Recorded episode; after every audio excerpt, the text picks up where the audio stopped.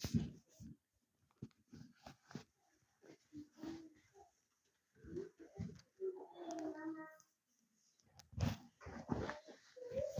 å leve som du er kalt. Vi spør ofte spørsmålet hva er en kalt til? Hva er det Gud vil med mitt liv, og hva er meningen med mitt liv? Vi vet at Abraham var en hedning når han ble kalt av Gud.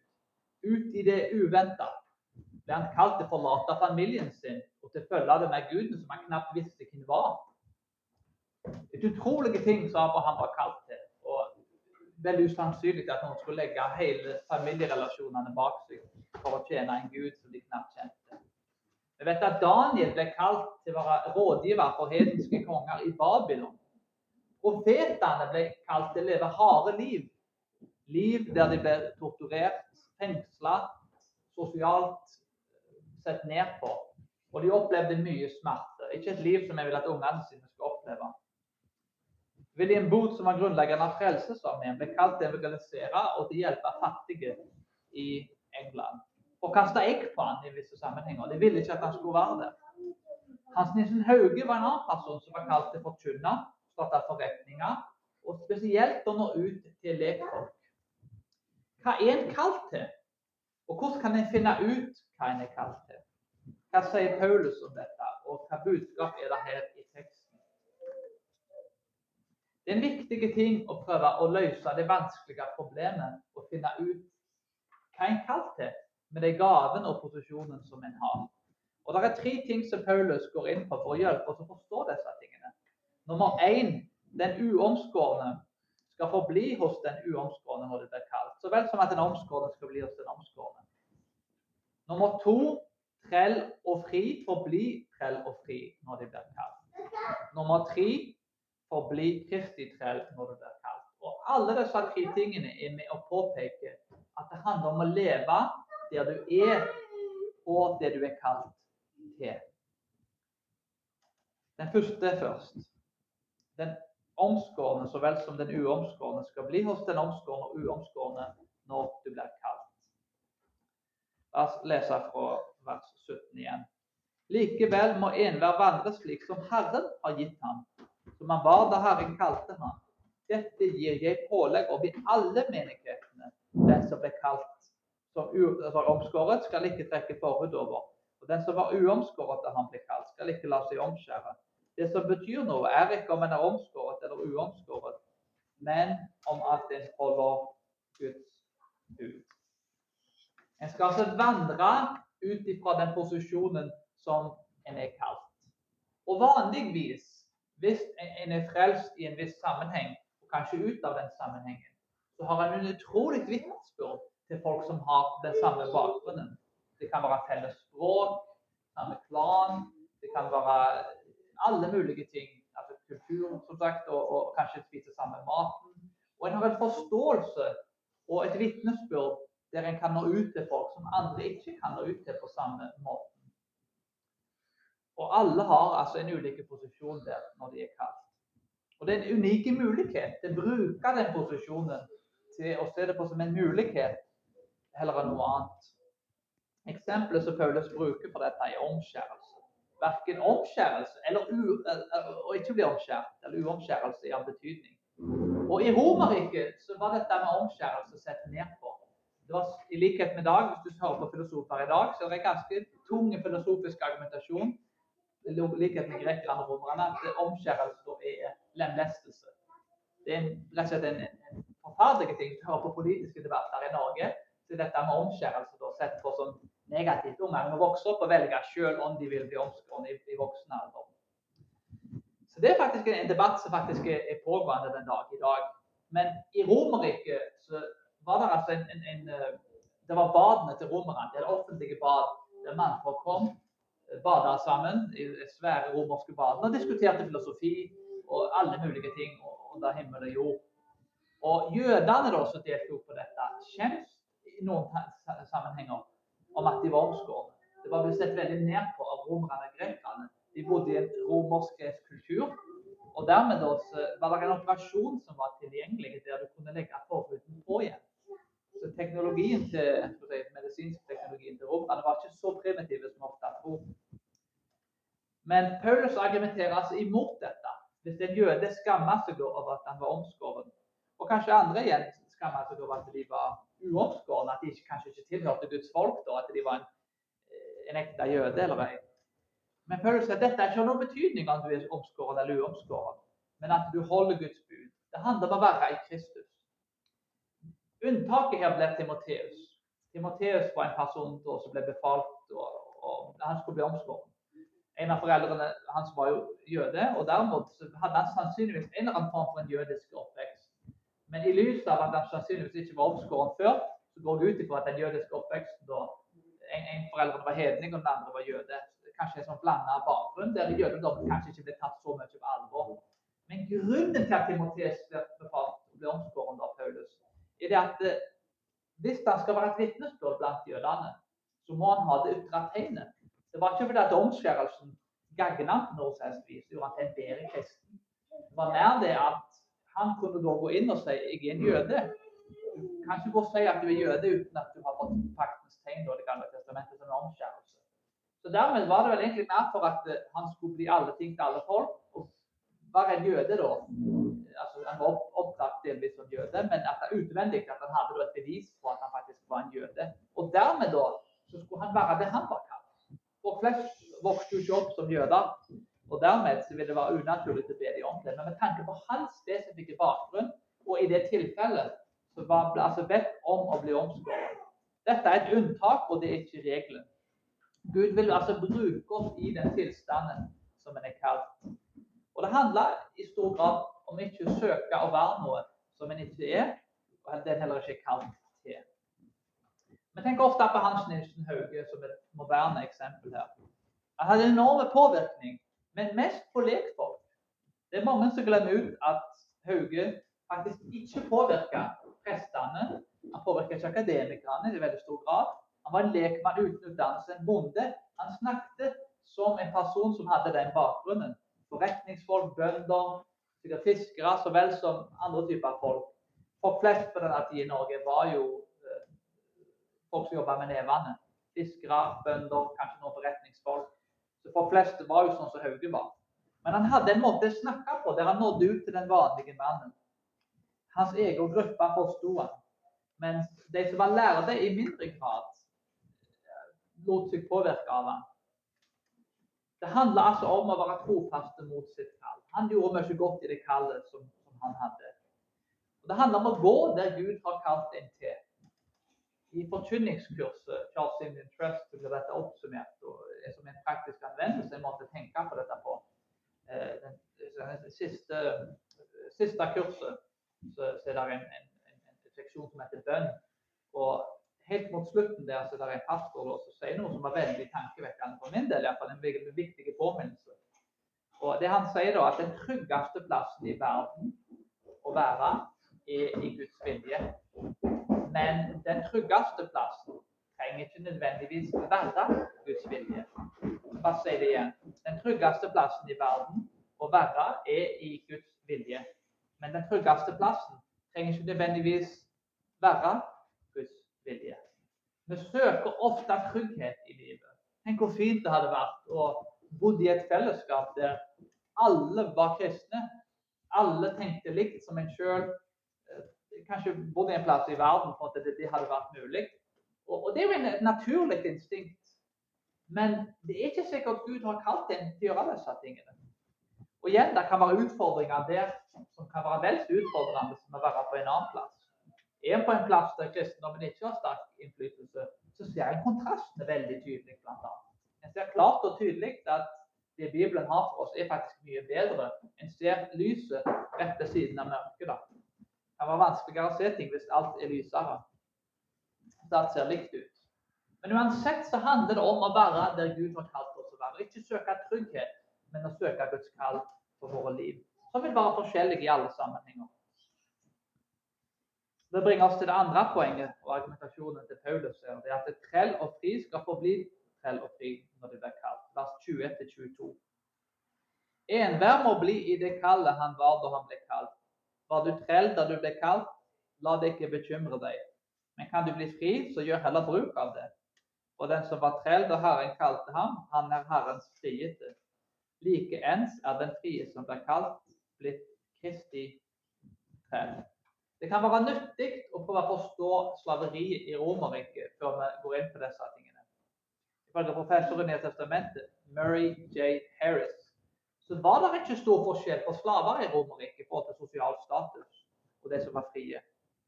Slaver var ikke skilt med språk, rase eller klær. De så ut som alle andre, de spiste samme maten som alle andre. Igjen, De lignet på folk flest. De var ikke segregert i samfunnet. Fra et økonomisk perspektiv så tjente slaver stort sett omtrent det samme som de som var fri. Dette er ikke en kultur der alle har en iPad, alle har sitt eget hus. Dette er en kultur der har du mat, har du drikke, har du et tak over hodet ditt, så har du faktisk ganske bra ting. For flest hadde de alminnelige behovene dekka, utenom de som var rike. En slave kunne bli fri, kunne kjøpe seg fri. Svært sjelden at noen var slaver. Eh, mer enn 15 år, kanskje 10-15 år. Kunne være fri når du var 30 år gammel. Og Vanligvis da, så hadde du òg utvikla ferdigheter. Du hadde tjent en familie kanskje, og du hadde kanskje blitt veldig flink da, en flink husvakt. Kanskje du hadde lært å kontrollere økonomi og så vel som andre ting. Så du lærte jo egentlig teknisk sett et fag.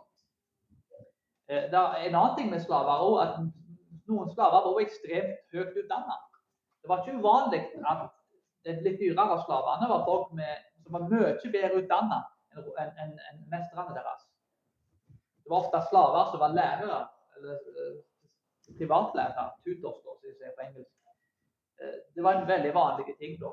Til og med leger så vel som, som høyt utdanna folk som faktisk var slaver.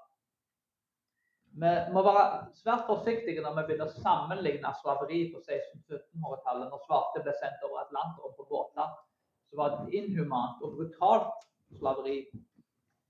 Eh, her ble de ikke frigjort. De var slaver hele livet. Og det var forferdelige omstendigheter. Det Slaveriet vi ser i Romerike, er faktisk en måte å organisere samfunnet på.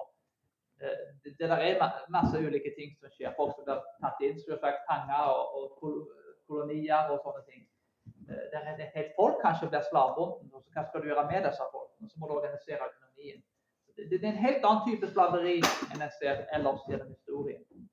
Slaver kunne eie eiendom, og de kunne ta andre jobber i tillegg til å jobbe for sin mester.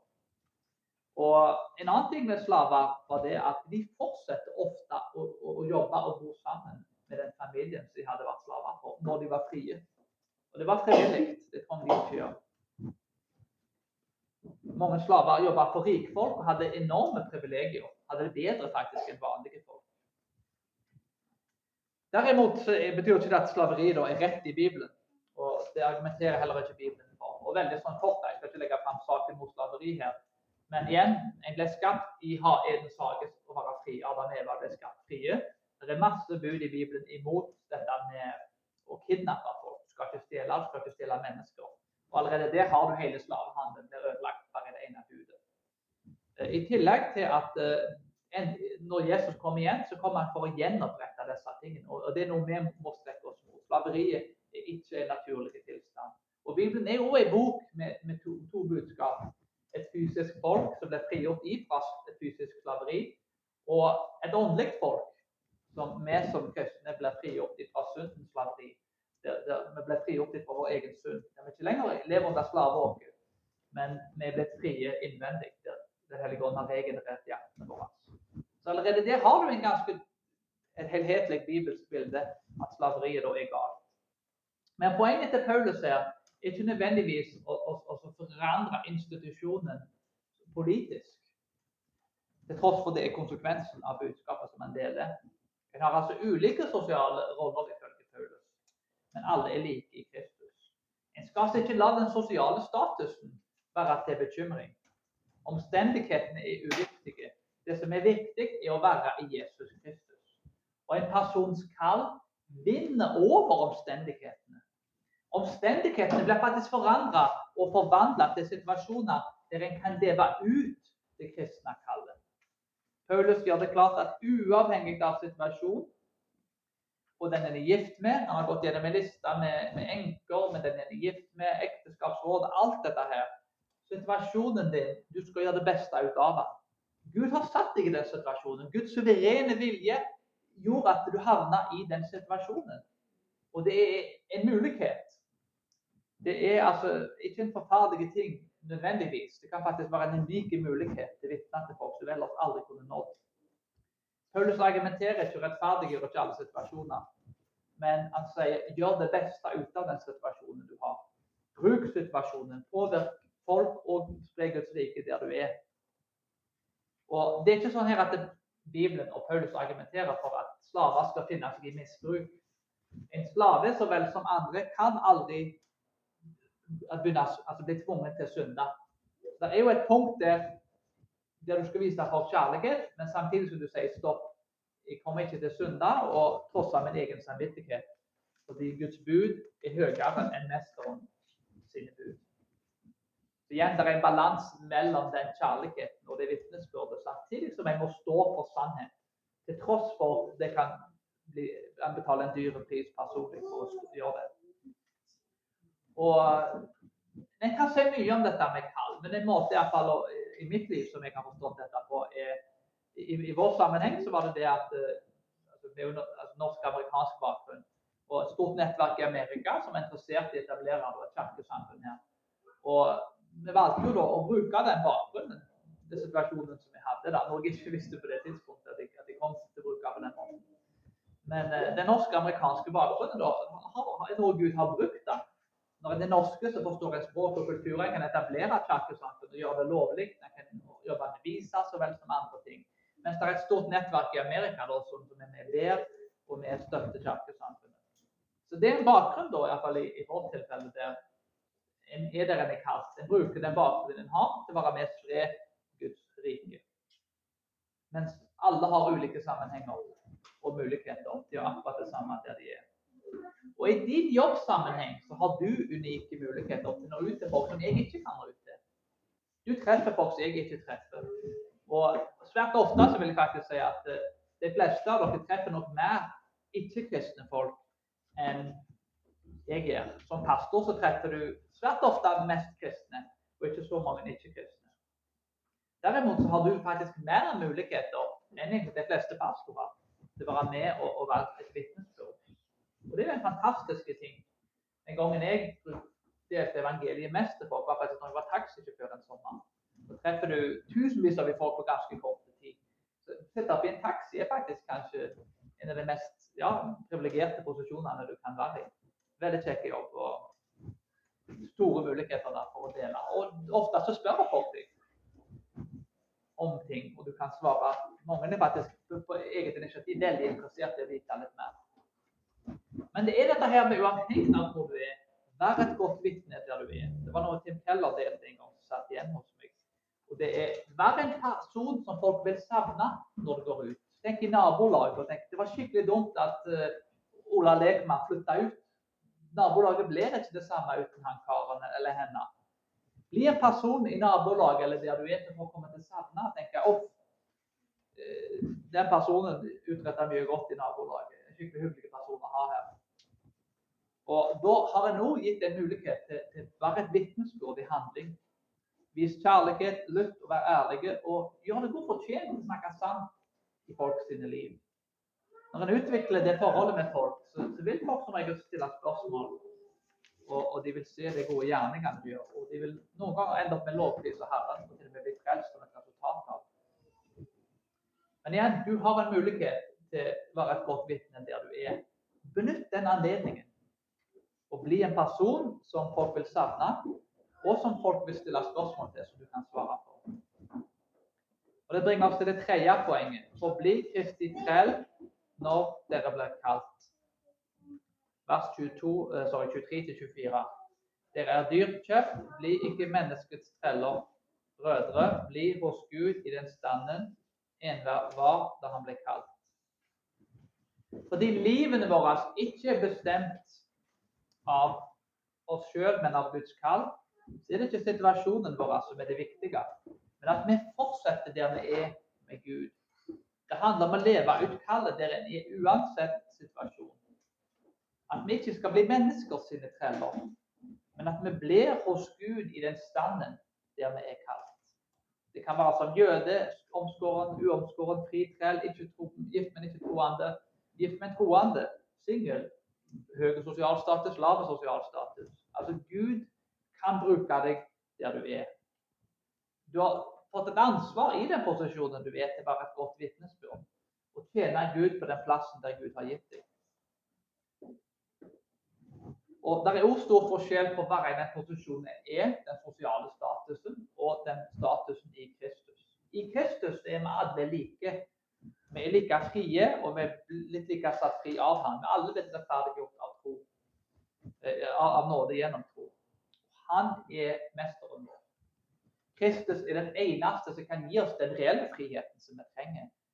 Og Dette er en frihet som vi ikke må kaste bort, for den er dyrt kjøpt. Målet til Paulus er å vise at det må være et vitne der en er. Å være en god representant i sin posisjon. Og At det ikke er mennesker som skal styre disse tingene, men må gå ut ifra hva som er Guds kall. Og Mange tenker kanskje av og til at eh, ja, men jeg liker ikke situasjonen i den harde plass, den harde jobb. Og Ofte så tenker jeg bare fri. Fri å gjøre det jeg vil. Og Det kan jo noen ganger være det rette kallet for noen. Men en måte jeg tenker på dette på, er kanskje Jeg tenker ofte på Michael Phelps som vant OL i svømming. Og dette var en, en fyr som var, liksom, var designet for svømming. Da. Hvis det er liksom en kropp som er, er skapt for å svømme, så er det hans kropp. da. Den perfekte kroppen for svømming. Og, men Michael Phelps trente vel minst seks timer til dagen. Spiste 10 000 kalorier til dagen, som er bare å spise så mye. Uh, vanlige folk spiser kanskje 2000-3000 kalorier til dagen. Så bare å, å, spise den mengden mat og trene så mye Han gav opp so sosiale sammenhenger, kunne ikke gå ut med venner. Hele treningsplanen hans og, og, og dagsritualene hans var organisert rundt å svømme og vinne den OL-medaljen. Du har ikke noe sosialt liv det er restriktivt. Det er ikke et fritt liv. Tenker liksom At noen ønsker å leve sånn frivillig. At en velger fritt faktisk å, å leve så disiplinert. Det er et skikkelig kjipt liv på mange måter. Mye av ungdommen din så, så svømmer du. Bruker hvis perioder var ung jeg svømte. Spiste, spiste svømte, sov. liksom. Det er de tre tingene som du gjør. Og, men, men pga. at han da ga opp den friheten, så vant han OL-medaljen. Og i etterkant som han kan pensjonere seg tidlig, blitt veldig kjent og har fått en mye større frihet, mye penger selvsagt og andre ting, som har gjort at han har blitt satt inn i en større frihet i etterkant. Han har utsatt friheten sin, kan du gjerne si. Men samtidig, da, med å disiplinere seg på den måten, så gir han opp én frihet for å få en annen frihet. For å vinne den medaljen så kan han ikke få både på seg. Og litt er det sånn med oss at vi er blitt satt inn i en større frihet. Der vi da begrenser oss selv på ett område, og så får vi noe på et annet område. En annen måte jeg forstår dette på, er en kristen en gang som var i fengsel. og forsøkte noen fengsler noen ganger. En som sa at han ble kristen i fengsel, så, så sa han at jeg har aldri vært mer fri. Når jeg var ute og ikke var i fengsel, så, så var jeg en slave. Men i fengsel, altså i denne cella, så jeg er en mye mer fri mann jeg noen gang har vært fordi Jesus har tatt bolig i hjertet mitt. Det er en interessant dokumentar der som enkelt, en anbefaling. Eh, the, the Street Was My Father på, på Salem Documentary. Så kan du finne da, dokumentar, dokumentar med tre stykker da, som gjorde ganske harde ting. og En, en, en som drepte en annen kar. Og hvordan Jesus sitt vitnesbyrd var med å forandre disse folkene. da, Hvordan de havna i fengsel og, og fikk frelse. da, Kom ut etterpå, levde gode liv veldig oppmuntrende å se hva evangeliet kan gjøre. Men, men, det er dette her med at en rik person, en veldig rik person som har masse penger, som lever for penger, jobber sju dager i uka, er en slave egentlig for pengene. Avgudsdyrkelsen her blir å tjene masse penger. Bare jeg får de pengene, blir jeg lykkelig. Og, og, sannheten er at uh, den personen er egentlig en slave. Da. Han er bonden av én ting som er det viktige endemålet i livet hans, og det er å tjene mest mulig penger Pengene i seg selv er blitt et middel så vel som et mål. Avgudsdyrkelse er jo nettopp det at en setter noe annet i senter av livet sitt enn Gud. Mens han i fengsel, som er fattig, han kan faktisk ha en større frihet fordi han har blitt frigjort fra sin egen synd i sitt eget hjerte. Og han har en bibel, han har Kristus. Han kan snakke og ha en relasjon med skaperen av universet. Som en anvendelse til disse tingene her, så må en ikke søke å være noe annet enn en er. Vi har en tendens som, som mennesker til å romantisere andre ting og tenke hvis jeg hadde vært der borte, da hadde jeg vært lykkelig. Kanskje romantisere andre folk sitt liv. Hadde jeg hatt det, det livet som de har, eller han har, eller hun har, da vil jeg være lykkelig. Og svært ofte så er ikke gresset grønnere på den andre sida. Noen ganger kan det selvsagt være tilfellet. Men finn kallet ditt, og ikke prøv å bli noe annet enn du er. Eller gjør noe annet enn det Gud har kalt deg til. Hans Nilsen Hauge hadde kanskje ikke funka som akademiker. Tenk om han hadde blitt professor. Kanskje han hadde vært en totalt ukjent fyr som ikke påvirka livet folk. Tim Keller hadde kanskje ikke vært like god forkynt til bønder eller på bygda. Gud har gitt deg en unik posisjon. Gjør det beste ut av han, og vær et godt vitne til folk i den posisjonen. Og Den beste praktiske måten som jeg allerede har nevnt, kanskje gjør dette på, er rett og slett først og fremst å bli en person som får komme til å savne. Bli en person der du ikke bruker ord engang, det var ikke tragisk at den personen flytta ut. Denne bygda kommer aldri til å bli den samme igjen. Og Det som gjør dette mulig å bli den personen, det er at Kristus har gjort et verk på korset for oss. Paulus sa at en må søke frihet om en skal leve. Og den Guds frelsende mening, altså resultatet da, av frelsen, er jo bl.a. ikke bare, men bl.a. å gjøre slutt på urettferdige sosiale strukturer. Vi ser denne frelsende etikken i Galaterbrevet 3. Og det er her ofte ting skiller seg ut. For før vi kan forandre samfunnet og gjøre ting bedre, så må vi forandre oss sjøl. Før vi reorganiserer verden og fikser ting, så må vi sjøl bli rettferdiggjort og organisere våre liv rett. Vi må ta et oppgjør med vår egen synd. Og Her har du kanskje forskjellen på mye av disse life-coachene som anbefaler folk fiks livet ditt og ordne opp i ting. er at uh, Vi kan ikke fikse opp i vårt eget liv. Fordi vi er så syndige. Så igjen, Du kan ikke ha synd for å bli kvitt synd. En synder kan ikke uh, gå inn i ting for å bli kvitt synd. Han legger bare til problemet, han tar ikke vekk fra problemet. Hvis du skal slukke en, en, en brann, så kan du ikke hive flammekasteren inn. Du kan ikke bruke vann for å bli kvitt vann. Du legger til vann. Det blir mer vann hvis, hvis du bruker vann for å bli kvitt vann. Synd kan ikke bli kvitt synd. En synder kan ikke bli kvitt synd. En synder kan ikke bruke synd altså for å bli kvitt synd. Vi trenger noe perfekt noe som renser oss fra utvendig. Kom inn i hjertene våre og renser oss innenfra. Og Kristus er den perfekte kombinasjonen av involvering i verden uten å være avhengig av verden. Hadde han vært av verden, så hadde han vært like syndig og råtten som verden. Men han kommer utenfra som en perfekt og hellig person, en perfekt standard. Og han levde et menneskelig liv der han tok på seg alle disse tingene som vi har gjort galt. Alle fristelsene og alt synden i en fallen verden. Og han, men han lot ikke synden få kontroll på han og styre livet hans, men ble oppreist fra de døde. Makten ble brutt, og synden ble frigjort. Synden ble sletta. Og alt dette ble gjort sånn at det, vi kunne bli frigjort. Det var hans slaver. Det var frigjort i Kristus når vi ble oppstanden med ham. Denne forandringen kommer innenfra, der Gud gjennom Den hellige ånd regenererer hjertene våre. Den kommer ikke gjennom å fikse mennesker med de rette politiske institusjonene. Veldig fint med gode politiske institusjoner, det er jeg en stor tilhenger av. Men, men syndige mennesker vil alltid skape syndige strukturer og institusjoner. Det er liksom egentlig bare en måte da, å uh, holde sunnet vekke en liten tidsperiode før han kommer igjen. Du kan teknisk sett ikke få bedre systemer enn du har folk. Mennesket derimot, som har fått et nytt liv i Kristus, kan skape bedre strukturer. Og dette skillet her er et veldig viktig skille da, som vi må ta hensyn til. Fordi Hvis vi ikke har den indre forandringen, og hvis vi ikke er blitt fornya og blitt helliggjort i Kristus, så vil jeg heller ikke klare å løse noen som helst andre problemer. Hvis vi ikke begynner der, så kommer vi oss aldri videre. Og nettopp derfor er det verket som Kristus har gjort, så viktig. Og Det er derfor Paulus snakker om slaveri på den måten som han gjør. Det er derfor Paulus ikke sier altså, ta sverdet og gjør et opprør.